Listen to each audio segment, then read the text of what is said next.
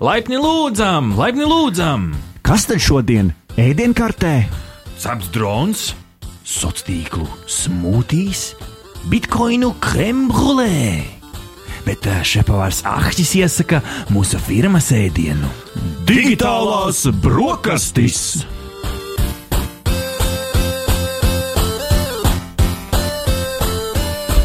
Digitālās brokastis, kā jau katru piekdienas rītu, šeit 95,8 FM, Naba LV, kā arī podkāstu formātā, Naba LSM LV, LV podkāstu LV, Apple podkāsts, Android podkāsts, Spotify. Visur, kur ierakstot hashtag digitālās brokastis, tu vari saņemt savu ikdienas tehnoloģiju ziņu devu. Un šodien, darbie draugi, digitālās brokastis nāk ar lielu vērienu, jo digitālās brokastis šorīt ir tapušas kopā ar Garmin. Patiešām šodien raidījums divās daļās. Pirmajā daļā tad ierastais tehnoloģiju top 10, un otrajā daļā mums būs saruna, intervija ar ā, Garmin, ar ā, pārdošanas un mārketinga vadītāju Baltijas val- valstīs Dmitrijs Ļisicins, kurš pie mums nāks ar karstu stāstu par pulksteņiem, ko tu vari uzlādēt saulē. Un tie nav tie paši vecie analogie pulksteņi, kurus varēja lādēt saulē. Nē, šie ir vietpulksteņi, ar kuriem tu vari nu, izdarīt brīnumainas lietas. Pagājušajā nedēļā nedaudz ieskicējām par šo tēmu. Šodien tad izzināsim detaļās. Un ar jums kopā, kā jau katru piekdienu, digitālais brokastīs, jūs šefpavārs Ahtis! Un šodien izmantojot modernās tehnoloģijas no Gdaņskas. Ar mani ir kopā mans piekdienas rīta gurmāns Ričijs. Uh, labrīt, klausītāji! Uh, labdien, klausītāji! Vai labvakar, klausītāji! Lai arī kur un kad jūs mūs klausītos. Un mēs arī pierādām to, ka mēs varam raidīt no jebkuras vietas pasaulē. Nu jā, labi, ka ir tehnoloģijas. Nu tad, uh, Ričijs, nezinu, vai tu teiksi šo poļu valodā vai latviešu valodā, bet, nu, dārgie klausītāji, ziņa numur viens! Uhuhu! Jā! Ziņa numur viens digitālajās brokastīs šajā rītā ir par masīvu uzbrukumu populāriem Twitter kontiem. Patiešām aizdītajā nedēļā, nu, šajā nedēļā, liela kompānija un privāta persona Twitter konti tika uzlauzti. mm, Jo kāds hackers izdomāja pareklamēt uh, savu bitkoinu. Uh, tas ir viens no iespējams uh, pamanāmākajiem un lielākajiem hacker uzbrukumiem platformā, jo nu, konti, uh, kuri, kuriem tika klāti un no kuriem tvītoja, bija tādi konti kā uh, uzņēmums Apple, uh, Baracks Obama, Elonas Musks, Bills Gates, Kanye Vests un daudzi citi uh, cilvēki ar lielu, lielu sekotāju skaitu. Uh, un uzbrukums patiešām notika ar mērķi reklamēt bitkoinu krāpšanas schēmu, kas beig beigās izrādās atnesa uh, hackeriem 120 tūkstošu uh, ASV dolāru lielu peļņu. Uh, un, uh, Jā, un ša, tas, kas tika izdarīts, bija aicinājums, uh, hei, darbie draugi, es nezinu, došu atpakaļ uh, sabiedrībai, vai, vai, vai uh, nezinu, gribat nopelnīt, tad ieguldiet šajā bitkoinā, un es jums atdošu atpakaļ divreiz vairāk. Tur arī mm, Buffeta konts bija uzlauzts, kur vienkārši viņi solīja aptuveni no sērijas nopirkšu bitkoinu par tūkstoti, es uz tavu kontu atpakaļ aizskaitīšu divus tūkstošus. Nu, un, Nu, tā tas viss ā, aizgāja, viss griezās. Protams, Twitter tiklīdz pamanīja, piegrieza šo ā, darbību. Pat šiem kontiem, pat visiem verificētiem kontiem, vienā brīdī pārtrauca iespēju publicēt kaut ko Twitterī. Nu, šobrīd, protams, Twitter konta darbība ir atjaunota, bet nu, šo jau izmeklē pats FBI. Nu, masīvs uzbrukums Ričī sociālajam tīklam, kurš lapojās ar divu soļu verifikāciju un visādiem citādiem drošības brīnumiem. Jā, taisnība. Šķiet, patiesībā nu, tāds ļoti nozīmīgs uh, uzbrukums. Nevelti šī ir uh, ziņa numur viens, es domāju, ka tas būs. Uh, nu, tas nesīs diezgan liels izmaiņas gan pašam Twitterim. Jautājums par uzticību Twitterim pēc šī visa notikuma. Numur divi lieta.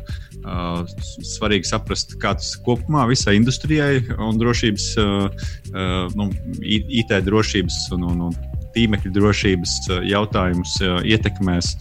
Un, un uh, numur trīs, uh, nu, teiksim, kas ir tie baltie hackeri, kas šobrīd palīdz Twitterim tikt galā ar visiem šiem drošības uh, caurumiem. Uh, jo, nu, man liekas, uh, tiešām ļoti, ļoti nozīmīgi konti ir uzlauzti. Tas tikai parāda to, ka nu, kaut kur slēpjas ļoti liela nedrošība. Un, un cik mēs arī nopratu no šī raksta, ka tieši Twitter tāda nu, vidējā līmeņa uh, darbinieki arī ir ar diezgan lielu piekļuvi uh, nu, dažādām šīm mm -hmm. featurām. Līdz ar to hakerim piekļūstot kādam no šiem darbiniekiem, mm ir iespēja, iespēja ietekmēt uh, nu, Twitter saturu diezgan pamatīgi.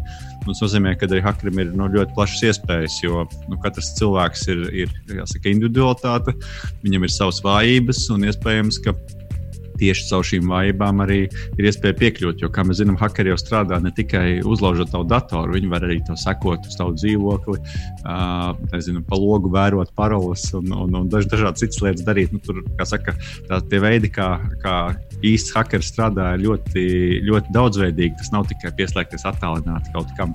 Uh, tā kā, tā kā, nu, man liekas, ka interesanti, interesanti redzēs, kā visa pasaule ar to tiks galā, ar šo drošības risku un kā tieši Twitter pats uh, tiks ar šo galā. Nu, jā, tas ir interesants jautājums, jo nu, nav tā, ka Twitterim iet ļoti spoži. Nav arī tā, ka Twitteris ir beigts. Un šeit tas stereotips sabiedrībā, kas kaut kur varbūt klīst apkārt, kaut kurš to vairs Twitterī sēž. Twitteris joprojām ir ļoti, ļoti ietekmīgs rīks.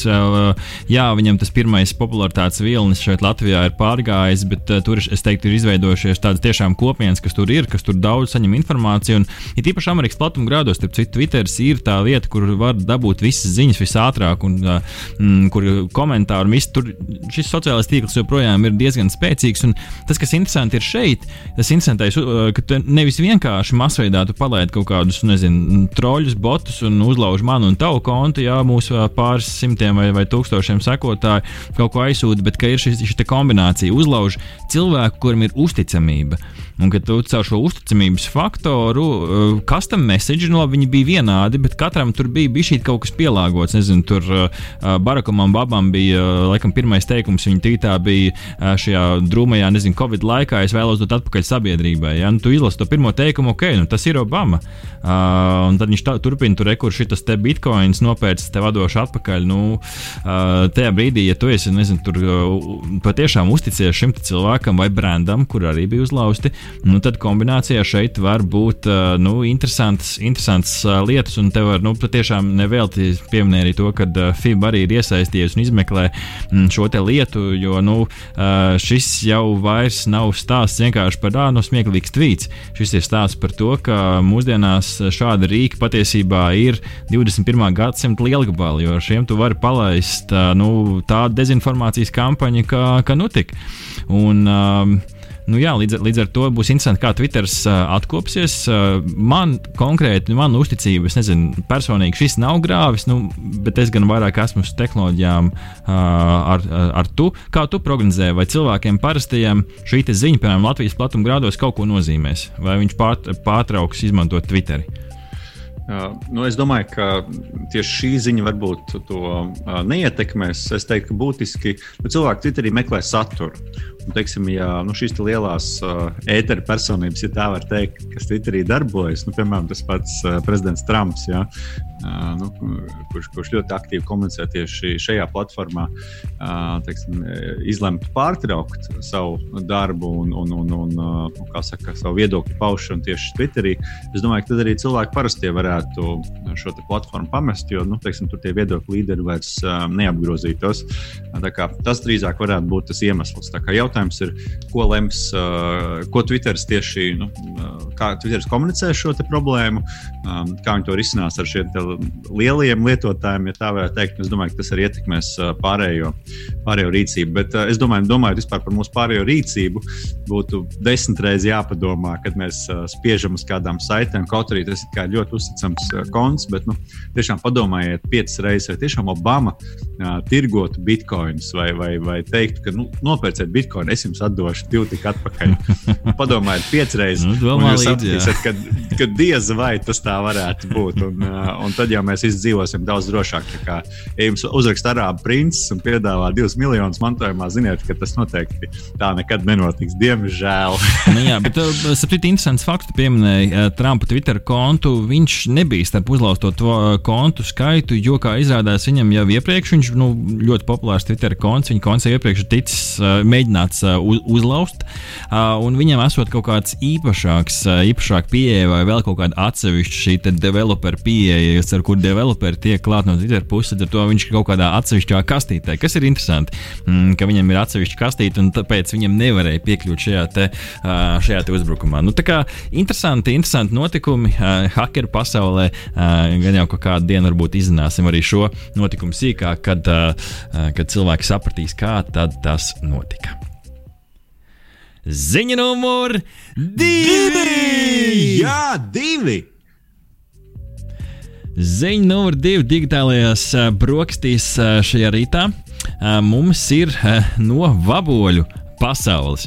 Jo pētnieki ir no Vašingtonas Universitātes izstrādājuši miniatūru kameras sistēmu, kas ir tik maza un tik viegla, ka to var novietot uz kukaiņu mugurām, konkrēti šajā eksperimentā uz vabolēm. Kamera var pārādīt video signālu caur Bluetooth savienojumu uz vietālruni ar 1 līdz 5 kadriem sekundē un 160 x 120 pikseli izšķirtspēju. Nu, nav gluži 4K vai 8K televizora cienīgs materiāls, bet nu, uh, paklausieties tālāk. Kamera sver nieka 248 mg. Nu, kā pateicoties tam, arī šīs vaboles var šo kameru savām mugurām pārnēsāt, uz, pat uzkāpt kokā un brīvi pārvietoties. Kameras pagrieziena leņķis ir 60 grādi, līdz ar to Heiričī mēs varam uztaisīt vaboļu panorāmas foto. Un šo kameru var darbināt līdz pat 6 stundām ar 10 mAh bateriju. Nu, man, es, diemžēl, caur radio signāliem nevaru jums nodot attēlu, kā tas izskatās. Nu, bet patiešām nu, tāda maza, maza kastīte uz mazas, mazas vabolītes muguras. Vai Ričijs šis būtu šovs, ko tu nākotnē varētu gribēt skatīties, ja būtu 4K izšķirtspēja? Vavoļu piedzīvojumi! Es, piemēram, es saprotu, ka tas nebūtu iespējams, jo skudras ir pārāk mazas droši vien, lai, lai kaut ko tādu uzmanītu pagaidām. Hop. Jā, jā, tieši tā, tieši tā. Droši vien, ka kameras kļūst tikai mazākas un, un varbūt skudras lielākas. Bet, bet, bet eh, es, piemēram, ļoti gribētu redzēt eh, kādu skudras ceļu, kā viņi darbojās, teiksim, iet pēc eh, lapas un tad nāk atpakaļ un lien iekšā pūznī un kaut kur to visu nes. Es domāju, varētu būt ļoti aizraujoši. Bet es domāju, tikpat aizraujoši, bet paskatīties arī bites ceļu, piemēram. Nu, galu galā cilvēki taču ir iemīļojuši skatīties putnus teiksim, stundām uz ligzdu, kur iespējams nekas īpaši nenotiek. Un tad mm -hmm. vienā brīdī brīdī kaut kas atlido vai, vai izšķiļās, vai, mm, vai, vai kaut kas cits notiek interesants. Nu, es domāju, ka šim noteikti būtu pieprasījums. Arī es būtu ar interesi paskatītos, piemēram, kā tā bite lido tur, teiksim, pa pļavām, izvēlas mm -hmm. kādu puķi nosēž, ja, un tad attiecīgi lido atpakaļ uz stropu. Nu, es domāju, ka tas būtu gan aizraujoši. Es esmu intriģēts par šo ziņu. Šī ir, šī ir tāda tiešām prototypa versija, jo tas mīnus pagaidām ir tas, ka tas ir Bluetooth savienojums, kas nozīmē, ka nu, uh, vietālurunim, no kura, uz kura padod šo signālu, viņam ir jābūt nu, diezgan tuvu. Tur ne, nevar vabolīt aizskriet, nezinu, uzlikt uz mašīnas un aizbraukt uz nākamo pilsētu. Jā. Tad jāskrien pakaļ. Jāskrien pakaļ tieši tā. Un, līdz ar to tas bitīts stāsts, tur laikam būtu laikam cits savienojums paziņojums vai kaut kas tāds. Hei, bet tas ir prototyps, tā ir pirmā versija. Man šķiet, ka šim ir reāla nākotne. Es domāju, ka Netflixā nākotnē būs tur uh, mazās vaboles, uh, Harija piedzīvojumi viņam uh, mēslu valstībā, kur viņš veļ savus mēslu bumbiņus. Tā kā, jā, nu, interesanti paskatīties, cik, cik mazas un jaudīgas ir kameras. Mēs nerunājam tikai par, tikai par šo kameras, kameras objektīvu. Te jau ir nu, patiešām vesela sistēma ar mazu, mazu bateriju, ar mazu, mazu signālu raidītāju. Tā kā nu, spiegu apatūra, es domāju, ka mūsdienās ir vēl desmitkārt jaudīgāk, zinot, ka publiskajā vidē jau nonāk tikai, tikai pabiras, kaut kas, kas ir notestēts jau militārajā vai spiegu valstībā jau ilgu laiku atpakaļ. Tā kā, nu, uh, hei, ja jūs redzat, ka uz jums ilgu laiku blendž vabole, nu tad uh, varbūt uzvelciet kaut ko mugurā. Iespējams, ka kāds jūs stalko. Iespējams, būsiet Netflixā. Iespējams. Ziņa numur 3! Eh, ziņa numur trīs eh, nāk no mūsu eh, kaimiņu universitātes, no Rīgas Tehniskās universitātes, kur studenti izdomājuši, ka man gribās izdarīt kaut ko jēdzīgu šajā pasaulē. Negribās vienkārši uzrakstīt darbu ķekšu pēc, bet nu, izdarīt kaut ko ar pievienoto vērtību. Un ir izdomājuši, ka ir jāprognozē laiku, kurā pienāks starppilsētu sabiedriskais autobusu. Sadarbībā ar uh, akciju sabiedrību CATA uh, RTU studenti uh, pilotu projektā ir izanalizējuši trīs cēlus pilsētas autobusu maršrutus uh, un uh, ņemot vērā dažādos laikos un dažādās uh, dienās uh, šos te, uh, uzkrātos datus, uh, viņi um, šajā pilotu projektā prognozēja to, uh, kurā brīdī pienāks reāli autobusi. Protams, mums ir autobusu kustības saraksts, bet, nu, kā, ir, ir sastrēgumi, ir uh, dažādi nezinu, laikapstākļu radīti šķēršļi, nezinu, šoferis aizkavējās pīpauzē vai arī nezinu, iesprūda toaletē, nu, un autobus kavējās. Nu, kad viņš pienāks, nu, tas nākotnes perspektīva ir, ka iespējams varētu radīt arī lietotni, kur tad šos starppilsētu autobusus varētu nu, praktiski gandrīz vai reālā laikā redzēt un redzēt, kad tad autobus pienāks. Nu, Ričija, ja tu brauks no Rīgas uz koknes, cik noderīgi tev varētu būt šāda lietotne? Es domāju, ka braucot no Rīgas uz koknesi, šie, šī lieta varētu būt mazāk nozīmīga, bet viņa būtu super nozīmīga braucot no koknes uz Rīgu. Mm. Izstāstīšu, kāpēc. Rīgas autobus, autobus parasti ienāk, nu, teiksim, viņiem tur pa vidu ir kaut kāds laika buferis. Nu, teiksim, ja tiešām nenotiek kaut kāda milzīga katastrofa, tad, tad nu, principā viņš varbūt var atnākt uz Rīgu ar nokavēšanos, bet no Rīgas nu, visdrīzāk viņš izies laikā. Bet savukārt, tagad, kad tu stāvi koknesē pieturā un gaidi autobusu uz Rīgu, tad tu nekad nu, tā simtprocentīgi nevari zināt, kad tas autobus būs. Jo nu, vai nu tur pa vidu ir nokritis koks, vai es nezinu, autobuss, piemēram, pārsita riepu, nu, vai gadās vēl kaut kas tāds, kas bieži negadās. Un nu, te pēkšņi, te pēkšņi vai ceļu remonts, piemēram, ja? un te pēkšņi man ir jāgaida pusstundu autobusu, un lai man būtu drošības sajūta, ka es neesmu gadījumā nokavējis ar to autobusu, jo viņi mēdz atnākt arī 5 minūtes ātrāk, piemēram tad šāda sistēma būtu ļoti, ļoti vērtīga. Un, ja es pareizi saprotu, tad uh, tas tiks pro prognozēts reāli laikā, kas jau ir, nu, man liekas, tiešām supervērtīgi. Jo viens ir ka tu vari zināt, kur autobus atrodas. Nu, jo viņš mm. sūta signālu attiecīgi, un tu redzi, piemēram, telefonā, ka viņš tur atrodas tur un tur. Bet uh, tas, ko es saprotu, šī lietot darīs, viņi arī prognozēs. Mm -hmm. Tas, ka es redzu, ka teiksim, autobus jēkapilī ir un viņš brauc uz koknes virzienā, lai pēc tam brauktu uz Rīgu, mm -hmm. uh, tas jau vēl visu nenozīmē, jo pa vidu tur var būt nokritis koks, mm -hmm. piemēram, ceļu remonta darbi pēkšņi. Jā, jā. Kas, uh, jo tajā, tajā brīdī jēkapilī autobus vēl ir uh, laikā.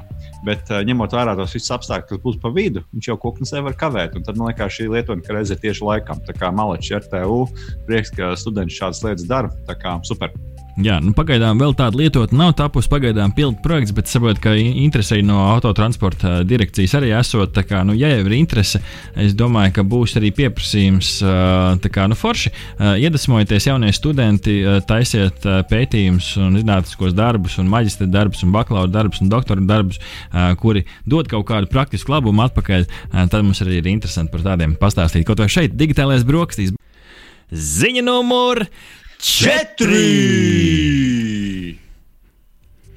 Ziņa numur 4. Digitālajās brokastīs uh, nāk no Venēras. Nu, labi, īstenībā tepat no Latvijas. Uh, no Latvijas platuma grādiem, jo Latvijas uzņēmums Cob Art, uh, kā raksta Delfi, mm, ir uh, saņēmis ievērojumu balvu NASA rīkotajā kosmosā um, Venēras misijas ietveros. Un, uh, Uzņēmums Kobārti ir radījis uh, sensoru AMI ar diviem I sensoru, uh, kas ir, uh, jā, kā jau minēju, šajā konkursā saņēmis balvu no Nacionālās aeronautikas un kosmosa administrācijas, jeb NASAS, kur šajā konkursā piedalījās izgudrotāji no visas pasaules. Tas aicinājums bija radīt mehānisku šķēršļu pārvarē, pārvarēšanas un noteikšanas sensoru, kuram jānodrošina ir robota droša pārvietošanās uz Venēras planētas virsmas, nu, lai spētu atklāt kaut kāds lielāks akmens akmeņus, plaisas vai, nu, ej, nu sazinu, aizes, kur tas robots varētu, varētu iegāzties. Nu, šis konkrētais sensors ir paredzēts Automation Rover for Extreme Environments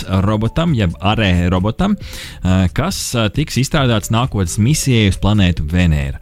Nu, Latvijas uzņēmums par uzvaru šajā konkrētajā kategorijā, sensoru kategorijā, nevis visā konkursā, bet kategorijā ir saņēmis arī balvu 2000 uh, dolāru apmērā. Nu, tāda, eh, no vienas puses, nu, kā, kas tur liels, viens sensors, bet no otras puses, Ričija, nu, tāda sajūta, ka, hei, eh, iespējams, eh, pateicoties mūsu Latvijas gudriem prātiem, kādu dienu robots neiegāzīsies kādā aizā uz Venēras. Nu, jā, jautājums, protams, par tiem konkursu nosacījumiem. Es jau teiktu, ka viena no skaistajām nākotnes lietām ir arī tā, ka ne tikai kāds izmantos šo te, iespējams izmantos šo te mūsu tehnoloģiju, bet droši vien, tad arī par viņu samaksās. Jo, nu, teiksim, ja mūsu latviešu komanda iesaistītos tajā kopējā lielajā komandā, strādās pie šī nākotnes pašgājēja robotiņa, kas varētu lāčot pa Venēras virsmu. Es gan nezinu, kā tas notiks, jo Venēra traka karsta. Bet, bet tas varētu būt arī nu, teiksim, liela investīcija arī teiksim, tīri finansiālajā ziņā, gan mm. mūsu valstī, gan šajā uzņēmumā. Un iespējams, ka šis uzņēmums var attīstīties un, un veidot jau citas nopietnas tehnoloģijas.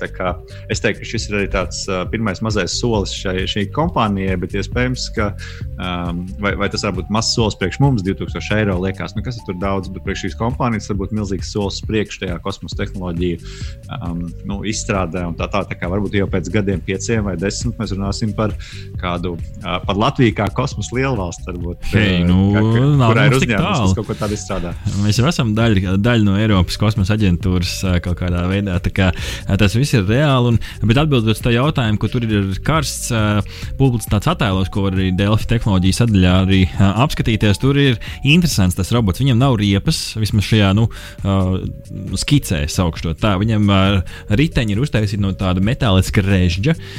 Nu, un tad priekšā viņam ir tādi divi, divi tādi trīsstūra veida riteņi, tā kā tankam kaut kas gluži kaut kas uz to pusi, kuri tad konstatē to, ka ir kaut kāds akmens aiza vienkārši no šiem te riteņiem paceļoties vai nokrītot līdz noteiktam zemumam, tad robots pieņem, ok, šeit tālāk nevar braukt. Tā kā, jā, nu, tā kā nevar šo robotu varbūt vadīt ar tālrādības pulti, tad ir jāpadara viņu tik pietiekami gudru un izveicīgu, lai viņš uz Venēras virsmas mums arī varētu izdzīvot.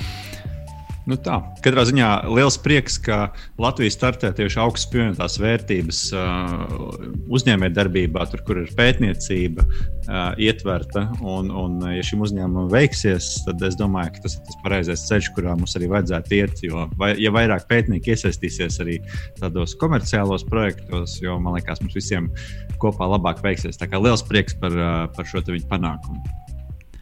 Ziņa numur 5. Ziņa numur 5 šajā rītā no Garmin. Jā, šodien mums būs arī otrajā daļā intervija ar Garmin pārstāvi, bet Garmin jau šajā daļā ir nācis klājā ar jaunu ziņu. Ziņa par to, ka Garmin iegādājies fiziskās veselības analītikas uzņēmumu First Beat Analytics, kas ir vadošais veselības analīzes nodrošinātājs gan tam pašam Garminam, gan citiem viedierīču zīmoliem visā pasaulē. Pateicoties First Beat Analytics darbam, mēs visi varam savos vietpunkteņos redzēt dažādas analītikas analītikas datus par sirdsdarbības ritmu izmaiņām, par kaut kādiem skābekļa daudzumiem, elpošanas paradumiem un tā tālāk. Tā kā, nu, būs interesanti, Ričija, intervijā izzināt sīkāk, ko šis praktiski nozīmē Gārminam. Uh, jā, noteikti. Man, protams, no otras puses būtu ļoti interesanti uzzināt, ko tas nozīmē pārējām visām kompānijām, mm -hmm. kurām uh, līdz šim, uh, nu, attiecīgi, um, Fistbeat uh, analītikas pakalpojumi bija ļoti nozīmīgi, lai varētu nodrošināt attiecīgi visus šos pakalpojumus. Kā, uh, nu, tas tā kopumā arī, man liekas, uh, ir, ir, ir būtiski jāsaprot. Bet, bet visādi citādi, nu, no Garmin perspektīvas, es domāju, ka tas ir ļoti pareizi, jo nu, viņi šobrīd ir viena no līderiem, ja ne līderi šajā vietpunkteņa pasaulē. Tur jau viss šī biometrija ir, ir ļoti nozīmīga. Tad, ja viņiem šis viss būs in-house, tad nu, ir iespēja, ka daž, dažādas inovācijas tiks izstrādātas tieši priekš viņiem, tieši priekš pielāgot šiem konkrētiem pulksteņiem, kas nozīmē, ka tā jauda, tās iespējas un vispārējais varētu būt vēl lielāka. Tā kā nu, tiem, kas lieto Gārminu, jums ir paveicies. Es domāju, ka, es domāju, ka tas visiem mums būs, būs par labu. Nu, tādā ziņā visiem tiem, kas ir Garmin lietotāji. Ziņa numur 6. 6. Ziņa numur 6 rītā iespējams kaut kas, kas arī varētu skart mūsu rīčī. Spotify piedāvās podkāstu topus. Jā, patiešām līdzīgi kā Spotify var redzēt tur dziesmas, kas sarindotas pēc popularitātes vai albumus, līdzīgi arī sāaranžēsies podkāsti un piedāvās atrast jaunus šovus konkrētajā lokācijā. Protams, tas nav gluži pavisam jaunums industrijā, jo nu, tam pašam nezinu, Apple podkāstu platformai arī šādi uh, aranžējumi jau ir. Un Spotify piedāvās divus sarakstus - trending un top trending. Tur būs 50 visstraujāk augošie šovi, kur pēc dažādiem datiem arī noteiks, ka okay, šis šovs ir uzņem apgriezienus, un būs tops mm, kur būs 200 reģioni, visvairāk klausītākie šovi. Tā kā nu, tajā brīdī, kad tas būs pieejams Latvijā, jo pagaidām ir tikai zināms um, šeit konkrētajā rakstā, ka, um, ka būs 26 valstīs, tur gan nebija pilns valstu saraksts. Nu, es pieļauju, ka Latvija varbūt nebūs pirmi, pirmajā rindā, bet varbūt kādā otrajā rindā. Tad arī būs interesanti redzēt, uh, kā tad, nu, dažādi Latvijas podkāsti uh, samē, samērogojās savā starpā uh, šajā Spotify platformā. Jā, nu man interesanti, droši vien, cik liels būs tas reģions. Nu, vai Latvijas gadījumā tas būs visas valsts mērogā, vai varbūt, varbūt Baltijas mērogā. Mm -hmm. Jā, tieši tā. tā kā, tad varētu arī samēroties mūsu vietējie podkāsteri ar, ar, ar, ar mūsu kaimiņu valsts podkāsteriem. Bet, nu, pieņemot, ka droši vien ka tas būs valsts mērogā, es domāju, tas ir interesanti, jo um, nu, ja Spotify ir viena no, no ļoti, ļoti izmantotām uh, podkāstu platformām, ka reizē uh, braucot tagad Viļņā, satiku vienu savu paziņu, un nu, viņš prasīja, vai, vai mūsu podkāstu var dzirdēt Spotify. Es ar lielu prieku varēju teikt, ka var dzirdēt. Mm. Un, un, un tas nozīmē, ka jā, nu, Spotify ir šobrīd jau ļoti izmantot podkāstu platformu. Es domāju, īpaši tiem, kas no jauna sāk uh, mm. klausīties podkāstus. Jo tiem, kas jau sen klausās, viņiem iespējams ir kāda sava mīļā platforma. Mm. Bet, bet uh, nu, kā saka, vēl viens, vēl viens rīks, um, kas būs svarīgs visiem, kas ir podkāstā, lai saprastu, kur viņi atrodas tajā kopējā topā. Un jāatcerās arī ir foniņā to agresīvo arī Garmin pieeja podkāstu popularizēšanai. Viņa kā nekā Joe Rogan podkāsts būs uh, pēc kaut kāda laika ekskluzīvs Spotify. Tagad es uh, lasīju kaut kur, ka arī Barack Obamas sieva Mišela Obama arī stājas savu Spotify podkāstu tieši. Tā kā tas viss iet kaut kā roku rokā, un Spotify laikam saprot, ka mūzikas šobrīd viņi sasnieguši griestus, nu tad jāņem ir nākamo audio, audio variantu. Hei, nu jautājums jau tikai ir laikam laika jautājums, kad viņi beidzot ķersies klātām Latvijas radio pasakiņām, varbūt taisīs pasaku topu, ne? ko, ko mēs vēl varētu ielikt Spotify, nezinu, varbūt tur tālruņu polifonisko melodiju tops Spotify. Nu, es domāju, ka ir kur augt, ir kur augt. Pilnīgi noteikti. Yeah. Es gaidu to brīdi, kad būs tas video, kad viņi paņems no YouTube arī to video sadaļu. Un, un, un tās, tā, tā būs liela diena. Tā būs liela diena. Ziņa numur septiņi. septiņi. Ziņa numur 7 nāk no Massachusetts Tehnoloģija institūta, MIT, datorzinātņu mākslīgā intelekta laboratorijas, kā raksta TechCrunch. Šajā laboratorijā ir radīts divu pirkstu satvēriena robots. Ko tad interesants ir šis robots, pateicoties tam tā mīkstajiem, maigajiem pieskārieniem? Š, šis divu pirkstu uh, robots ar šo divu pirkstu metodi spēj satvert, piemēram, dažādus smalkus objektus vai kabeļus, papīra lapas un tam līdzīgus priekšmetus. Un pateicoties sensoriem, kas ir iebūvēti nu, šajā te, uh, maigajā pirkstā, uh, robots uh, spēj konstatēt, uh, piemēram, kabeļa pozīciju vai arī kurpju ņūras pozīciju. Un pēc tam veikt vienkāršas darbības ar šo atpiņķerēt, uh, iespraust vadu. Uh, tas uh, mērķis, ar ko šis robots ir radīts, ir uh, radīt alternatīvu darba spēku um, gadījumā, kad tiek veiktas nu, darbības, kas ir vai nu bīstamos apstākļos, um, vai arī veicamas um, nu, monotonas un nogurdinošas darbības. Tā kā nu, visas šuvējas, kuras šobrīd strādā Černobiļas atomreaktorā, iespējams, ka jums kādu dienu nevajadzēs vairs šo darīt. Jā, nu, šuvējs Černobiļas atomreaktorā izklausās tiešām neticami. Bet, bet es jau tur neesmu bijis. Es nezinu, ka viņas tur nav. Es varu tikai minēt, ka viņas iespējams tur ir. Bet šis robots izskatās absolūti iespējams un, un īsts. Man liekas, ka ļoti interesanti. Nu, katrā ziņā roboti arī kļūst ar vien avansētāki, un, un šis kārtībā reizi apliecina to, ka, ka viss iet uz priekšu un ka tie vienkāršie darbi tiks diezgan strauji aizvietoti ar, ar jaunajām tehnoloģijām un tātad automatizēti. Tā kā, tā kā, nu, jā, kā, kā teica kāds cilvēks, mācieties bērnu fiziku, un, un, un attiecīgi tad. Var sakot, mums pašiem būs jākļūst gudrākiem, lai mēs varētu nodrošināt savu vietu darba tirgu. Uh, bet nu, um, par šo pašu runājot, uh, man liekas, ka Šim, protams, ļoti daudz pielietošanas iespējas, un, un, un kā jau tu minēji, ja tur kāds bīstams darbs, piemēram, vajadzētu kādu bumbu atmīnēt, vai, vai, piemēram, vai arī darbs, darbiņš ir tāds pietiekami monotons, bet tā pašā laikā tāds uh, smalks. Uh, nu, tur, piemēram, var tajā video redzēt, kā teiksim, diegs tiek uh, pārlikts no vienas šīs te, robota rokas uz otru. Tad to visu var izdarīt, tādu arī tādu smalku darbiņu. Tā kā, nu, man liekas, diezgan perspektīvi. Iedomājieties, ka tev tur jāsasien, jāsasien mezgls, lai neuzspridzinātu bumbu, piemēram. Nu, ļoti reāla, reāla lieta, ko tur tiem vadiņiem, tur sarkanais vadiņš. Visi jau zina, kurš vadiņš jāpārgāž, bet ja tev pēkšņi jāsasien ir kurpe, lai bumba neuzsprāgtu, nu tā ir lieta. Te noteikti šis MIT robots varētu, varētu noteikti nākt, nākt klajā. Labs ir, lecam tālāk. Ziņa numur, Ziņa numur 8.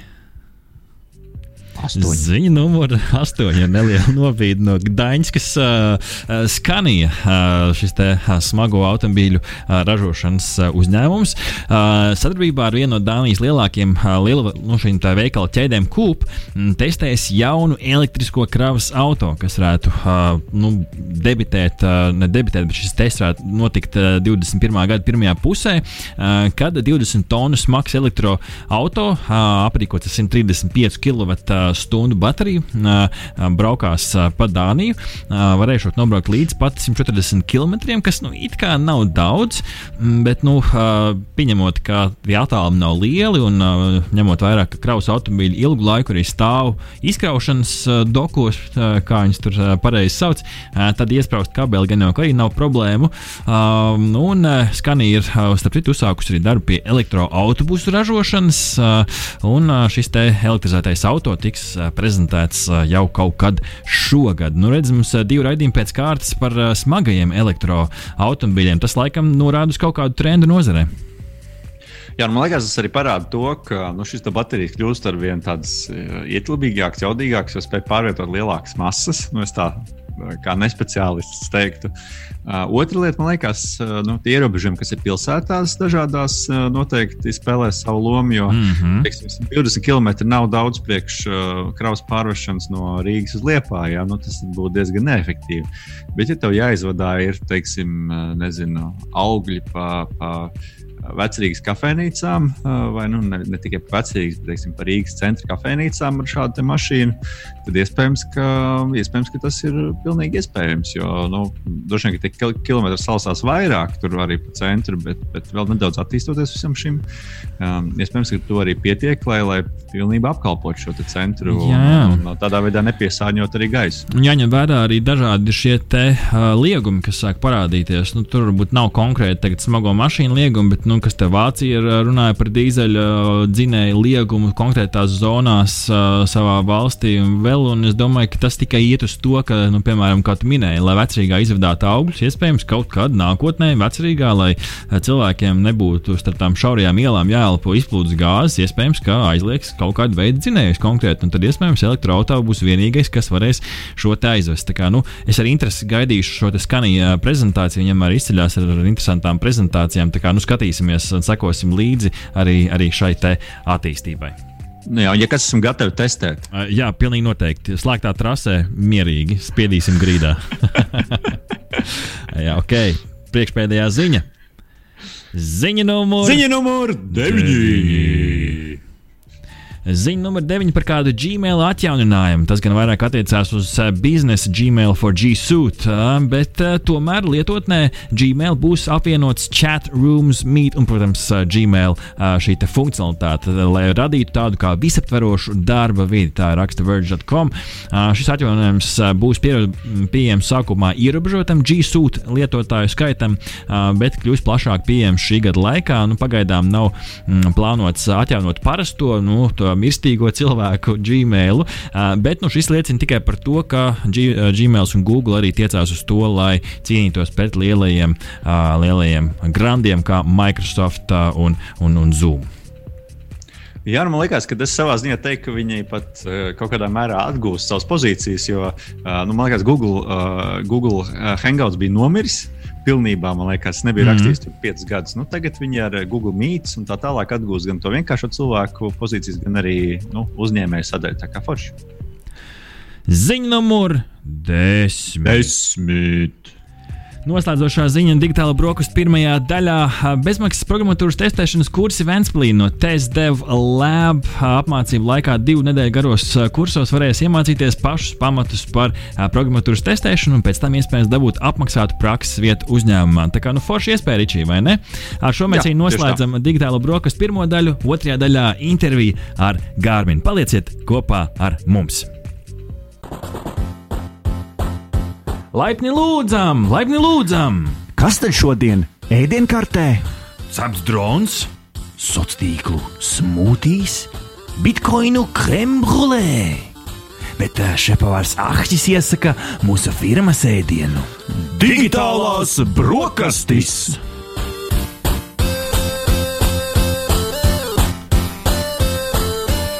Jā, digitālo brokastu saldais ēdiens, ilgi solītais ir šeit, ir klāt, jo mums ir mūsu rīta viesis studijā. Ā, Digitālās brokastis šorīt top sadarbībā ar Garmin, un no Garmin mums ir Garmin pārdošanas un mārketinga vadītājs Baltijas valstīs Dmitrijs Lisicins. Labrīt, labrīt! Labrīt, Ati. Labrīt. Nu, prieks bija dzirdēt, ka šī nav tava pirmā reize šeit, šajā ēkā. Pats esi biznesa vadības un ek- ekonomikas fakultātes eh, absolvents. Tā kā laipni lūdzam atpakaļ. Paldies. Uh, prieks, prieks te redzēt arī pie mums uh, radio nabas studijā. Un nevelti Garmin pārstāvis ir pie mums. Kā jau uh, dzirdējāt, arī šī rīta ziņās Garmins nāk ar jaunumiem. Un arī pagājušajā nedēļā arī uh, jau stāstījām par to, ka uh, Garmins ir debitējis ar jaunu, uh, stilīgu uh, produktu. Jauns, stilīgs uh, vietpulkstenis, kas, uh, kuru var uzlādēt ar saules uh, stariem, ar saules enerģiju. Viņam ir saules uzlādes tehnoloģija, un par to sīkāk mēs uh, šodien, uh, šajā rītā, iztaujāsim Dmitriju, lai uzzinātu, nu, kā tas viss strādā, kā līdz tam mēs esam nonākuši un kādi trendi tad uh, valdīs vietpulksteņu pasaulē, iespējams, uh, tālākā nākotnē. Par to visu uh, runās Ahtis šeit pie skaņa pulta, uh, un arī attālinātā uh, režīmā mums arī ir Ričijs no Gdaņskas. Tā kā uh, visi esam gatavi, lecam uh, iekšā, un varbūt tad ar tādu nedaudz iesildošu jautājumu tev, Dmitrij, šajā rītā nu, um, par tiem vietpulksteņiem, kas paši sev uzlādē. Nu, izklausās, manuprāt, nu, ļoti futūristiski, ļoti stilīgi. Tā izklausās pēc reālas nākotnes. Uh, es saprotu, gan, ka šis uh, nav Garminam arī tāds, varbūt, pirmais mēģinājums ienākt šajā saules uzlādes uh, tehnoloģiju pasaulē, bet nu, kā Garmins līdz šim vispār ir nonācis? Es saprotu, ka mums ir arī kaut kas interesants, ko parādīt tiem, kas mums šobrīd skatās Radio Nabas Facebook lapas live streamā. Tad Dmitrij droši iepazīstina mūs, kā mēs esam nonākuši, parādi varbūt arī skatītājiem to, kas, kas ir, kas ir uh, rādāms. Uh, mēs degam ar nepacietību. Mm. Nē, nu, nonākoši, protams, tas ir diezgan ceļš, diezgan ilgs. Tādu visu izstrādāt. Vispār runājot par saules uh, uzlādi pulksteniem, īstenībā jau 70. gados kaut kas seika vai citiem zīmoliem, kaut kas bija mēģinājis klasiskiem mm. -hmm. pulksteniem, bet, protams, mūsdienas vietpulkstenis ir pilnīgi kaut kas cits ar citu patēriņu, ar citām vajadzībām. Um, jā, kā nonākuši? Nu, pirmo pulksteni īstenībā mēs jau 2003. gada palaidām. Tā kā mums jau gandrīz 20 gadu pieredze tā visa joma, un vienmēr uh, tas svētais grāls bija kā tikties uz uh, baterijas ilgāku un ilgāku laiku un uh, mēģināt, mēģināt kaut ko uzlabot. Uh, vispār runājot par gājumu pirmsākumu, es te paņēmu diezgan uh, muzeja eksponātu vienu, lai saprastu, kas, Aha. kas mēs esam.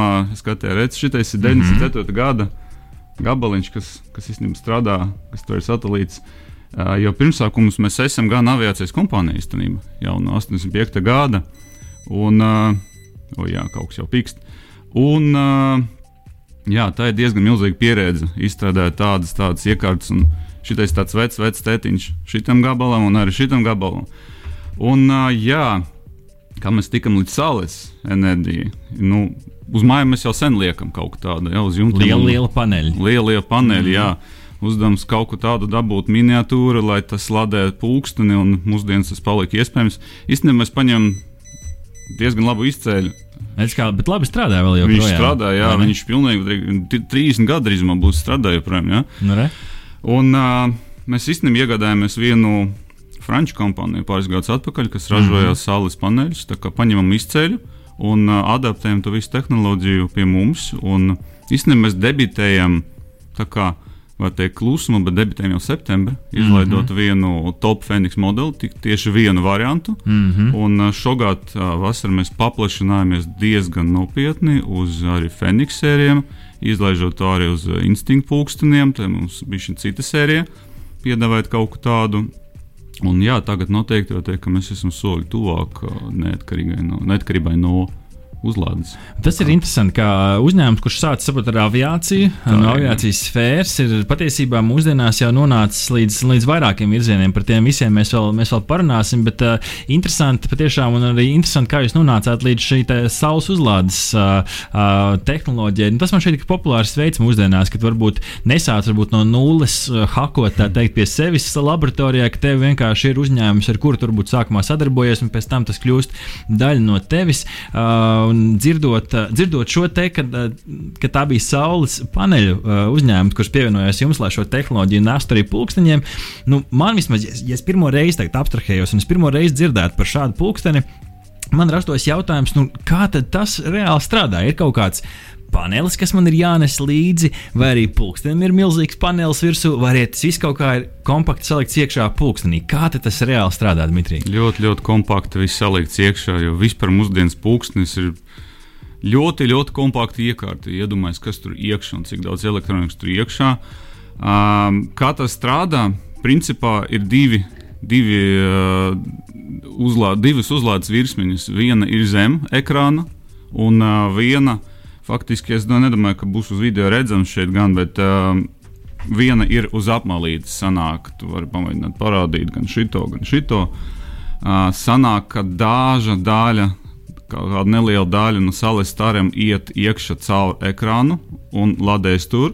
Un viena daļa krīt uzreiz uz apmalīti, kur ir tiešais panelis, sanāk, kas ir vēl efektīvāk varbūt arī noņemšu šito, jo šeit vēl vairāk tas būs pamanāms. Mm -hmm. Tas instinkts pūkstņiem. Dažādi, dažādi tie varianti. Jā, mm -hmm. jo šeit tas uzlādes platums apkārt ekrānam ir bijis lielāks arī. Jo lielāka platība loģiski, jo lielāka būs efektivitāte. Mm -hmm. Un tāds arī ladējs. Principā viņu speciāli viņu atstāt kaut kur uz saules un turēt nav nekādas vajadzības. À, nav, nav tā, ka man ir, uh, es uztaisu sev kempingu, ja zem, zem priedes, mm. un tam jākāp priedē, lai lādē. Tā nu, nav. Tas ir taču nesams tehnoloģijas, viņam jābūt tev uz, uz rokas, tā kā viņš ladēs vienmēr tik līdz viņš uz saules kaut vienu gabalu saules dabūt, tā kā viss jau notiek, ja tipaši skrienot, viņam trenējoties. Vispār Mm, tā kā mums tie visi baterijas darbības rādītāji balstīti uz faktu, ka tu esi vismaz 3 stundas dienā ārā, kas varbūt nav tik daudz. Un ja ir saulaina diena, tas arī mūsu apstākļos ir diezgan mm pietiekams laiks, lai uzlādēties. Mm. Tā kā Un saprotu, ka uh, tas nav viens pulkstenis, tie ir uh, dažādi šie, te, šie modeļi. Tad instinkts, Phoenix 6, 6S un taktikas Delta.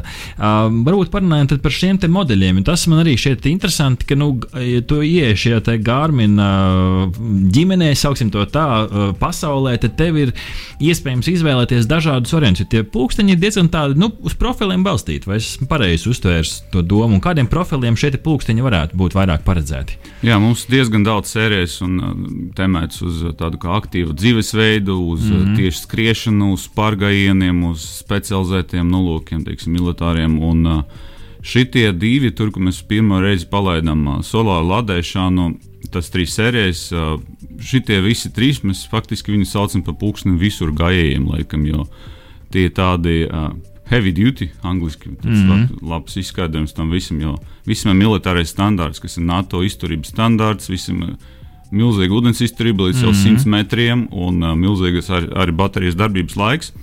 Uh, Sikāk instinkti faktiski šitais gabals uh, ir tā, tā, tuvāk tautai laikam, arī mm -hmm. cenu ziņa tuvāk tautai. Mm -hmm. Te ir principā pilnīgi viss no vietu pulksni pasaules, jau no sporta pulksni pasaules, uh, visas lietas. Uh, Un šeit ir vienkārši fantastiska izturība. Pēc mm -hmm, es saku, mm -hmm. kā heavy duty pulkstenis. Mm -hmm.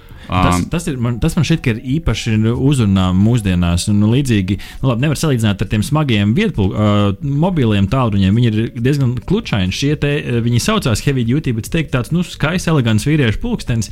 Uh, bet tas noteikti uzrunā mūsdienās, jo nu, kā cilvēki baidās, nu nezinu, tur kaut kur, uh, it īpaši, kā tu mini, aktīvajā pārgājienā dabā, tu kaut kur ej, kaut kur kāp, kaut kur uh, ložņā cauri un negribās saplēst to pulksteni. Līdz ar to tas heavy duty noteikti, noteikti ir kaut kas, kas uzrunā tos aktīvākos cilvēkus, kas dabu mīl kā, kā savu ģimeni. Tieši tā, jā, tas tā, tā kā tu nebaidies no viņa materiāla, ir ļoti, ļoti izturīga, specifikācija mm. ļoti izturīga. Uh, Fēniks savukārt ir mūsu premium top uh, pa visu, ko mēs faktiski pa savu 30 pāri gadu pieredzi izstrādājuši. Un mm -hmm. jau mhm. cik to 17 gadu pieredzēt pulksteniem, GPS pulksteniem, tur iekšā pilnīgi, pilnīgi viss sanāk. Un uh, tas arī faktiski premium korpusā jau metāliem un uh, sapfīra stikliem, uh, dažādiem mm -hmm. solāru stikliem. Tas viss iebūvēts arī metāliskiem siksniem, ādas siksniem. Tas ir premium. Un taktiks ir faktiski uz Fēniks bāzēts jau militārais pūksnis, kas gan izskata ziņā bišķiņ savādāks, uh, kur ir da dažādas papildus features militāram vajadzībam, teiksim, uh, nakts, tas night vision, tas brīlis speciāls, lai redzētu to Jā. ekrānu, speciāls apgaismojums tam domāts. Es, es to nosaukšu tā, tas ir pulkstenis priekš īstiem džekiem. Jā, tas ir tādiem kā visādiem militāriem pasākumiem un tā tālāk. Tā ir sērija, jā. Tad, tad mums ir tas lielais jautājums. Ričijs mums uh, interneta saviem dēļ šobrīd būtu atslēdzās, bet tas, tas viņa arī lieta, kas viņam interesē, ir, nu, tad, cik tad reāli ilgi šo pulksteni var nu, dzīvot bez lādētāja. Tur tie, mm. tie, tie, tie ilgumi arī preselīzē bija, bija dažādi, bet nu, kā, tad, kā tad praktiski viņš, cik ilgi es varētu, uh, kādos apstākļos ar viņu izdzīvot?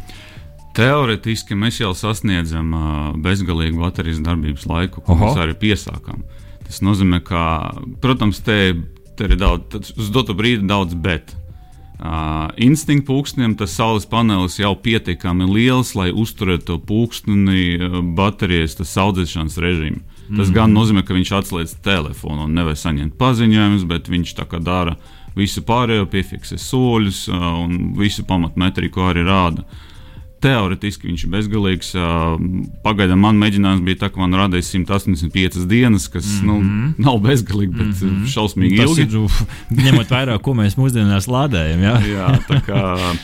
Realistiski, protams, ka mēs tomēr gribam lietot viņu pilnvērtīgi kā vietpūksni vismaz. Mm uh, un šajā režīmā uh, pavasaru mūsu apstākļos tas ir bijis iespējams pāri 50 dienām. Ja mm -hmm. tu mhm. lieto viņu vismaz 3 dienas ārā uz saules, tas būs plus mīnus 50 dienas. Protams, ka šeit es neskaitu treniņus. Tiklīdz tu sāk treniņus, ieslēgt mm -hmm. GPS un tad klāt ja, mūzika vai kaut kas, viss, nu, vis, jā, kas viss, patērē daudz, jā. mm -hmm. tas uzreiz samazinās pamatīgi.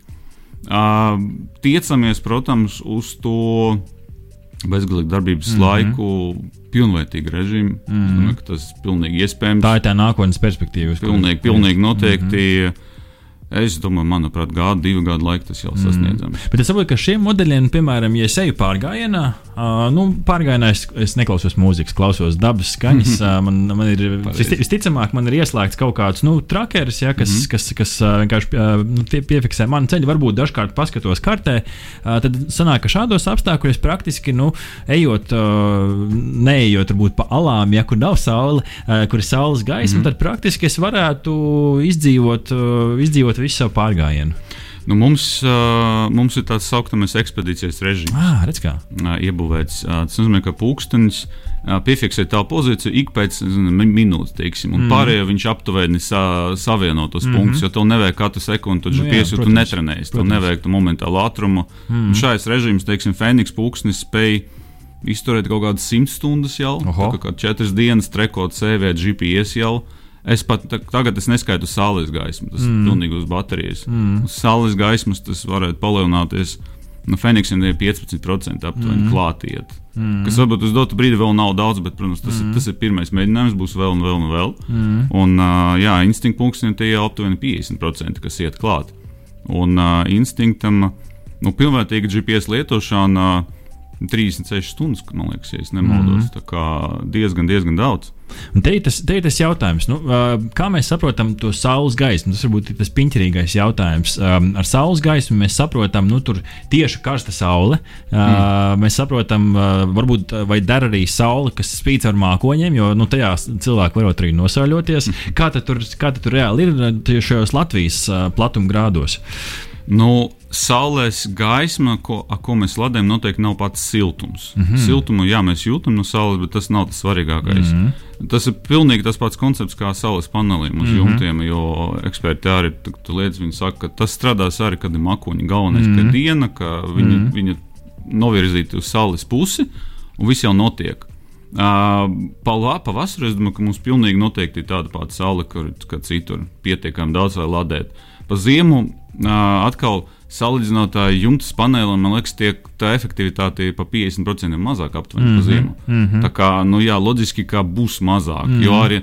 Nu, mums arī diena īsa. Diena īsāka. Nu, loģiski, mums diena mm īsa, tad cik mums paliek 7, 8 stundas dienā, mm kaut kur decembrī. Mm. Vienkārši tas saules gaisma tik daudz nav un būs mazāk. Uh, bet tik un tā, mm tik un tā būs tie 50% no orinālas ladēšanas apjoma. Bet atkal mm es saku, 3 stundas dienā. Mēs reiķinām uh, to stiprumu no 3 stundu dienu. Ja tu pavadi pa ziemu 3 stundas dienu un es savulainu dienu, arī diezgan mm -hmm. daudz mm -hmm. uzlādēts. Es saprotu, ka tā nākotnes perspektīva, uz ko jūs ejat, lai patiesībā pilnvērtīgi, ilgtermiņā, nu, praktiski bez lādētājas varētu iet, uh, staigāt apkārt, lādēt tikai ar sauli. Tas, tas ir tas, uz ko mēs uh, ejam ar šiem pulksteņiem, vai ne? Jā, sauli, iespējams, arī no citiem avotiem. Aha. Protams, ir visādas idejas. Es tagad nesāku par garmu, es saku globāli. Iemet man kādu globālo trako ideju, kā vēl varētu, varētu lādēt. No cik es zinu, cik esmu redzējis konceptus, ka var lādēt arī no ķermeņa siltuma. Es, tie, es tieši gaidīju šo atbildību. Šī bija tā trakā lieta, ko es nesen uh, lasīju, ka esot kaut kāds izgudrojums, kas tiešām no, no ķermeņa jau lādē. Līdz ar to nu, es, es tur rīkšu, lai jums izdodas arī no ķermeņa vēl dabūt vispār nu, bez robežām. nu, es redzēju konceptus Japāniem, man liekas, kad viņi LED dildus jau baroja no rokas. Vienkārši, ka, gaismiņa gāja, tas nozīmē, ka nu, ir elektrība. Crazy. Tas gan strādā. Te, te interesanti, jo uh, saules uzlāde strādā silta diena labāk. Yeah ķermeņa, tas siltuma tehnoloģija strādā augsta diena labāk, ja viņam vajag kontrastu. Tad tas kontrasts arī nostrādā. Sanāk, ka, ja, ja tiek iet uz to, tad pavasarī tev sāla, pa ziemu tev sava roka, tā kā ražot elektrību vairāk. Vai, bet, bet kādā laikā mēs dzīvojam, vai ne? Traki, Interesanti, traki, noteikti laika. Jā. Uh, Bet šī noteikti nav vienīgā feature, kas šiem pulksteņiem ir. Jo nu, es, es pats esmu 645. gārmina lietotājs, neesmu varbūt jaunākās paudzes šobrīd uh, ietvaros, bet ar visu to arī šajā pulkstenī, un arī jaunajos noteikti ir daudz dažādas features iebāztas iekšā, ar, ar ko šie pulksteņi lepojas. Kas varbūt ir vēl kaut kādas features bez šīs saules uzlādes tehnoloģijas, kas, uh, kas, nu, kas tev kā gārmina arī lietotājiem uh, šajā jaunajā sērijā šķiet uh, fascinējoši. Daudz. Īstenībā ļoti daudz. Kur lai sāk, vai ne? Kur lai sākt, jā. Nu, pirmkārt, uh, top sērija man tiešām fascinē, ka mums ir kartes. Jā. Un, uh, Kā strādā kartes? Tā, nu, pavisam vienkārši. Man šķiet, ka kartes nav kaut kas tāds, kas ir visos. Uh, vienkārši, lai cilvēki, kas pirmo reizi dzird, ka pulkstenī ir karte, kā karte strādā. Nu, Pūksteni ir pilnvērtīga kārta, kas gan ceļu, gan topogrāfijas kārta, kā īstenībā mums arī golfa laukumi, aptuveni 40 tūkstoši laukumu pasauli, ieskaitot visus Latvijas golfa laukumus sazīmēti. Mums ir golfa, golfa varianti, kā spēlēt golfu. Slēpošanas trases arī ļoti, ļoti daudz pa pasauli sazīmēt. Ko tu darītu? Ir daudz lietas, ko tu dari. Pirmkārt, redzēt, kur tu esi un kas atrodas blakus. Tu vari saprast, kur ir nākamā bedrīte. Kur ir nākamā bedrīte, jā, nu, jā, es runāju jau par golfu, tad jā, tev vajag zināt to attālumu, kur mm. tu mhm. sitīsi, un tu vari izmērīt to ātrumu, to visu tas nianses jau no kārtas, jo te, te, te viss informācija jau ir uz rokas faktiski. Es tev iedošu vēl vienu praktisku piemēru. Es Jā. nesen kā reiz tieši gāju pārgājienā apkārt vienam, nu, Limbaģa pusē, vienam ezeram. Nu, man karta bija telefonā, vienam te, nu, tieši pārgājienam biedram bija kaut kāds no jaunākajiem Garmin, Garmin pulksteņiem. Viņam bija tieši šī karta iekšā, un mēs arī ļoti praktiski izmantojam. Mēs skatījāmies, ok, te es redzu purvu, kas ir aiz tā purva. Tā kā mēs redzam priedes, vai tur ir sauzeme, vai tur turpinās purs. Nu, tad konkrēti varēja tajā kartē mhm. pabīdīt uz priekšu un redzēt, kas tad, kas tad ir aiz šī pudra tālāk. Nu, tas palīdz palīdz. Jā. Mm -hmm. Viena forša lieta, kas, teiksim, Fēniks, uh, ir tas saucamais heatmap. Uh, sanāk, ka mēs faktiski uz kartes uzliekam pa virsmu visu mūsu lietotāju aktivitātes, Jā. cik mums ir nu, 40 vai 50 miljonu cilvēku aktivitātes, un redzam tas vietas, kur cilvēki skrien biežāk Ah. un viņi brauc ar rīčuku biežāk. Un tīpaši, ja tu esi sveša vieta, sveša pilsēta, Uh, tu atbrauc un tu gribi iziet, paskriet kaut kādu pilsētu. Tu nezini, kur skriet, vai tev nebūtu tie luksofori katru minūti, vai Jā. nebūtu jāšķērso kaut kā. Un tu vienkārši skaties arī jau ne tikai uz telefonu, mums tas ir telefona pieejams aplikācija, bet jau uz pašu pulksni. Tu redzi, ka šī ir tā karsta vieta, viņš ar krāsu jau iezemēts tāds aplīts. Tu tiešām aizies, ka ja tu aplīti, tu redzi, ka neviena luksofora nebija man- forša vieta, viņa bija. Un tas palīdz tev momentāli. Tas man, izdarīt. tas man visvairāk patīk. Tā, tā sajūta, ka tu vairs vari, nezinu, tur nelikt uz bicepsa to telefonu vai ne, neturēt vēl rokās. Vēl tu vienkārši tu uzvelc pulksteni un tu vienkārši ej skriet. Man tā brīvības sajūta visvairāk patīk. Tīpaši, ja vēl ir mūzika, vispār uh, uzliek mazās austiņas, skrienam pulksteni, tad praktiski viss ir iekšā. Mūzika arī, starp citu, ir viens no kaut kādām featurēm, kas ir iestrādāta. Mūzika, protams, jā, mūzika ir. uh, gan Mhm. Tas jau kļūst par Spotify, standartu kaut kādā veidā. Tas kļūst par standārtu, jo mums mm. ir visi tie trīs lielākie, kas ir Spotify, Amazon Music, Deezer, uh, offline režīmi strādājoši. Mm. Uh, Garmin Pay opcijas, kur var tagad uh, maksāt. Viens jaunums īstenībā no pēdējām dienām mēs notestējam, uh, ka, diemžēl ne Rīga, bet Tallinā Garmin Pay jau strādā sabiedriskā transporta, kā no Oho. pulksteņa var samaksāt pa autobusu, pa tramvaju. Jauns veiks, tā veids kā pīkstināt. Jā, jā, jā. Tā, kā, tā kā redzēsim, cik, cik tālu mēs esam ar Rīgu, un pa, pa šī to arī noteikti būs Šī, ot, jāpiestrādā. šīs būtu interesanti. Tas etalons, nu, tīpaši, tu nebrauc ikdienā, nu, nav tev viņš vai līdzi, vai tev būs pulksteni vienkārši pieliec uzreiz samaksā. Man šeit tik daudz jo tā ir tāpat nauda ne? tev uz uz kārtas, mm. jā, kāpēc vai nē. Ok. Uh, Paiesim nedaudz tālāk, uh, varbūt no, no pulksteņa nedaudz attiesim, jo mēs arī šorīt digitāli brokastu topā. Viens, viena no topa ziņām bija par to, ka Garmins ir iegādājies uzņēmumu First Beat Analytics. Um, mēs jau par to nedaudz ar, ar, ar Ričiju parunājām, bet tas, ko mēs gribējām no tevis uh, saprast, ir, mm, kādā, kādā veidā praktiski tas, tas mainīs kaut kādā veidā Garmin pulksteņus, jo, nu, uh, cik mm, nu, sanāca palasīt, tad First Beat taisīja priekš, priekš, priekš vairākiem uzņēmumiem, tā skaitā arī priekš Garmin, kā tas uh, praktiski uh, mainīs jums to ikdienu un ko beig beigās varbūt jutīs uh, vairāk uh, lietotājs parastais. Nu, kopumā jāsāk uh, ar to, kā, kā Garmin uzņēmums, teiksim, kā, kā, kā tā struktūra, ir veidota. Jo atšķirība no liekas, lielāka daudzuma zīmoliem mums tas saucamā vertikāla integrācija nozīmē, ka principā mēs taisām visu in-house. Sanāk, mums savas rūpnīcas, mums sava piegādātāja, mums savas tehnoloģijas, mēs mēģinām balstīties visu uz savējo. Un uh, Firstbeat, uh, protams, mums jau ļoti, ļoti sen ļoti cieša sadarbība. Mums ir gan sava metrika, gan uh, daudz ko mēs balstām uz Firstbeat. Mm -hmm. Un, uh, jā, tas, tas bija diezgan loģisks solis uh, apvienoties ar uh, Firstbeat. Nopirkt uh, Firstbeat Analytics, kas ir Somu kompānija diezgan liela. Mm -hmm. Un uh, atkal taisīt visu pie sevis. Ko tas mainīs? Nu, noteikti beiga beigas jaunas tehnoloģijas, jaunu tehnoloģiju izstrāde un pieejamība kādam pulkstenim pātrināsies. Mm -hmm, jo tagad mm -hmm. Garmin strādā kopā ar Firstbeat, nav vairs nekāda noslēpuma, visas tehnoloģijas tagad apvienojas. Jo principā vairākas lietas mēs taisījām paralēli. Sanāk. Gan mm. bija mums sava metrika, kas, teiksim, miega analīze, gan ir Firstbeat miega analīze. Un tas ir vairākas lietas, mēs tagad varam apvienot labāko no abām pasaulēm Mm -hmm. Un uh, iet kopā tuvāk, ciešāk un būsim efektīvāki, Mhm. ātrāki, labāki. Pilnīgi visur, jo Firstbeat tā ir sporta metrika, tā ir Jā. ķermeņa analīze, veselības analīze, tas viss, viss, Tā, viss tā ir praktiski tas, ir tas, ko mēs gan redzam pulkstenī, gan arī pēc tam vietālrunī tajā aplikācijā. Visi tie dati, kas ir, eh, kas ir savākti, apkopot, un tā analīze ir tā pievienotā vērtība, ko First bija iedod. Tā ne? ir tā analīze. Jā, mm -hmm. viena lieta ir paši sensori. Nu Nu, jā, jā. tev ir sensori, bet ko viņam darīt? Tev vajag programmatoru. Nu jā. kā izvērtēt? Kā izvērtēt, mm -hmm. ko tu esi izdarījis ilgtermiņā? Tīpaši, ja mēs runājam ilgtermiņā, kā mm -hmm. tu visu izvērtēt, kā to, tas slodzes izvērtēt, efektivitāti, atpūtas laiku. Un vēl, un vēl, un vēl, un vēl tas viss nāk parasti no Firstbeat, kas ir faktiski pasaules līderis. Un jā, tagad, tagad mēs esam kopā ar Firstbeat, mm -hmm. kas ir ļoti, ļoti labi. Ok, interesanti. Es arī uh, nesen, vienkārši, nu, gatavoties šai intervijai, pamanīju, ka jums ir uh, tāda kampaņa Never Stop Cycling. Par ko ir šī kampaņa? Saprotu, ka uh, tas ir uh, tieši tādēts uz velobraucējiem, kaut kas īpašs priekš, uh, priekš velo entuziastiem. Šī konkrēta temata uz vēlo, kaut gan es domāju, tas temats pilnīgi uz visiem, jo tā mm. -hmm. ideja principā nekad nepadoties. Ok. Nekad nepadoties un uh, mēģināt sasniegt jaunas virsotnes. Ja mums ir jau gadiem ilgi arī viens cits auklis, kas ir bijis yesterday, kas mm -hmm. pārvar faktiski vakardienu, mm -hmm. un tā, tā arī sanāk mūsu produktiem. Uh, Neverstop Cycling, es domāju, arī saistīts ar to, ka faktiski no pagājušā gada mēs arī apvienojamies ar vienu Holandas uzņēmumu Takts, kas ražo uh -huh. indoor trenerus. Uh -huh. Tas ir veloruļi, kur tu liec savu ričiku pa virsmu un braukā. Kad sanāk, tagad ar Garmin tu vari braukt 365 dienas gadā, arī pa ziemu. Uh -huh. kad, ir, kad ir slikts laiks, tu vienkārši uzliec pa virsmu un brauc iekšā. Uh -huh. brauc ārā, brauc droši. Mums arī produkti, kas domā drošībai, apgaismojumi, radāri.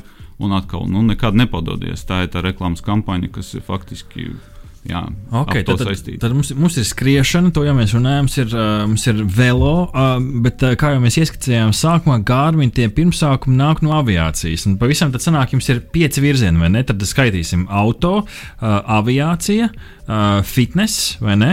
Uh, aktīvā atpūta un uh, kuģošana, kas, ko mēs vēl nebijām pieminējuši. Tad sanāk šādi pieci, pieci virzieni. Kas varbūt ir tie varbūt citu virzienu, kaut kādi gadgeti, ar, kuriem jūs paši lepojaties, kaut kas varbūt no auto pasaules?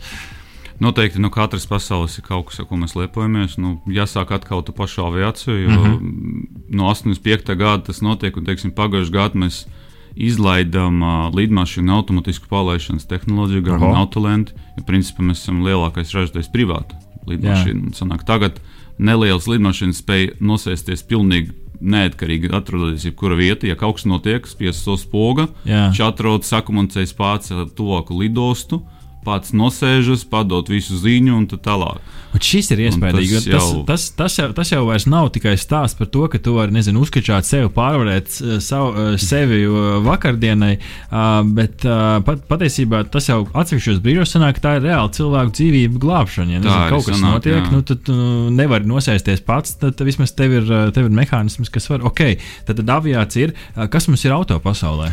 Es domāju, vispār globāli iesaka par to, ka uh, fascinējošākais ir tas, kā mēs apvienojam tas pasaules kopā. Okay. Jo pieņemsim, auto pasaulē runājot, mums ir diezgan liela profesionāla sadaļa, kas ir kravas automašīnu parku vadība, profesionāls mm -hmm. iekārts, mm -hmm. kas mm -hmm.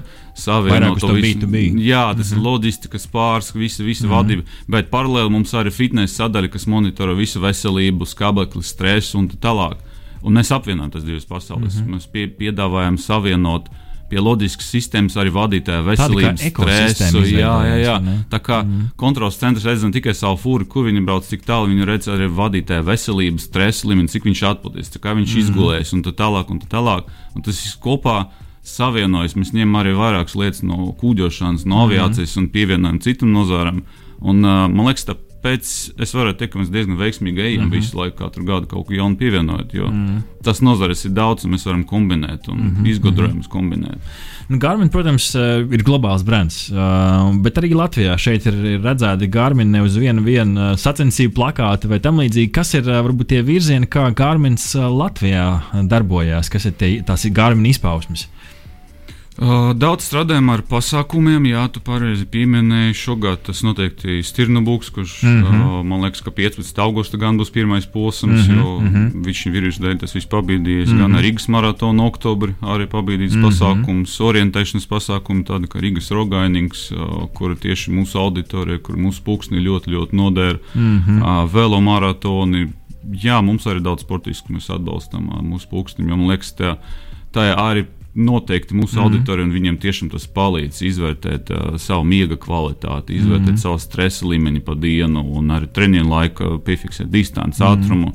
Uh, viens no piemēriem, teiksim, Biatlons, Andrejs Rastārs, viņš ļoti nopietni pie, pie šaušanas. Viņam mm -hmm. jāvēro, kā viņš to stresu samazina pie šaušanas, kāds ir pulss tajā momentā, cik ātri viņš ir nokritis.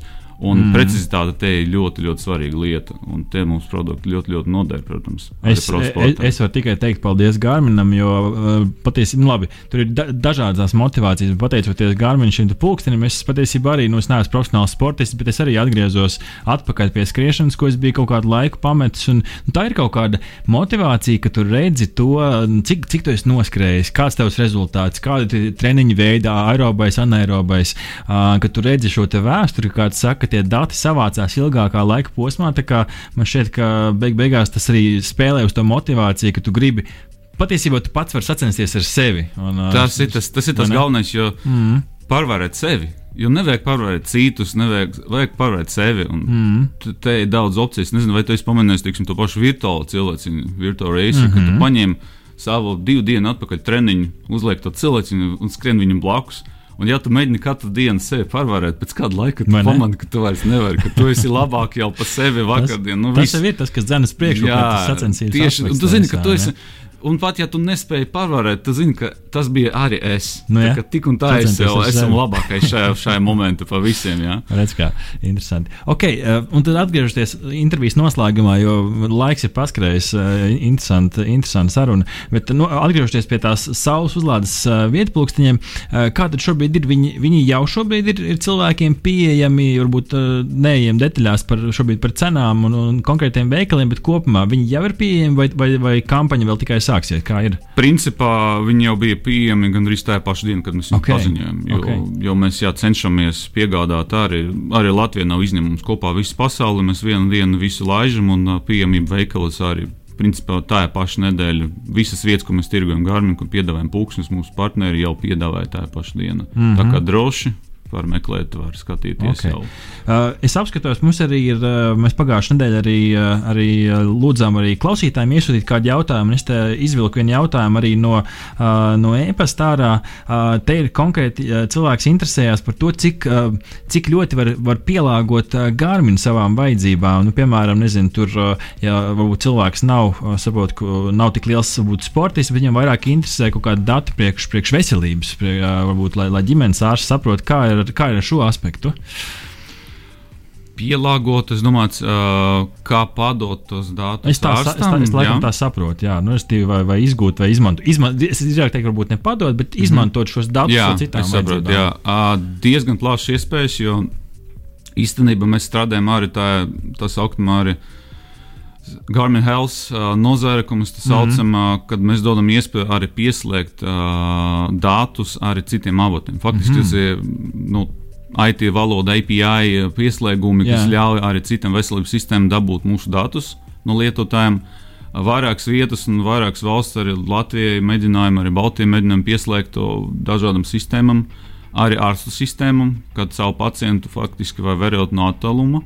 Mm -hmm. Telemedicīna, to mēs saucam par vienu vārdu. Jā, tad ārsts var redzēt, ja viņam uh, uzdot, uh, uzdoti uzdevumi kustēties noteikti uh, apjoma vai noteikti stāvus pa dienu iziet vai mazāk stresa, tad uh, tas viss iespējams un ārsts var to visu vērot uh, gandrīz live režīmā un dabūt atgādinājumus vai kaut kādu informāciju par savu pacientu. Jā, to mēs visu darām un jau darām Ok. okay. vairākus gadus. Jā. Nu, redz, kā.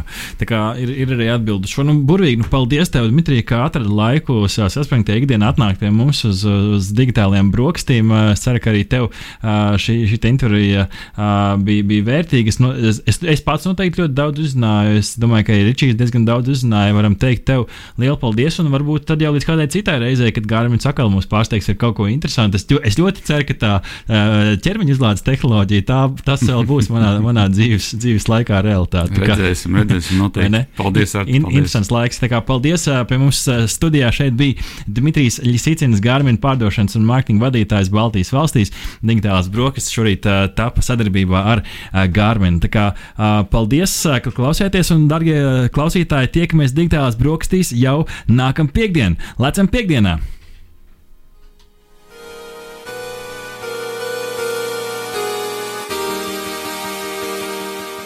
Bērni, kas jāsaka, kad pēduši digitālās brokastis? Trīs, četri.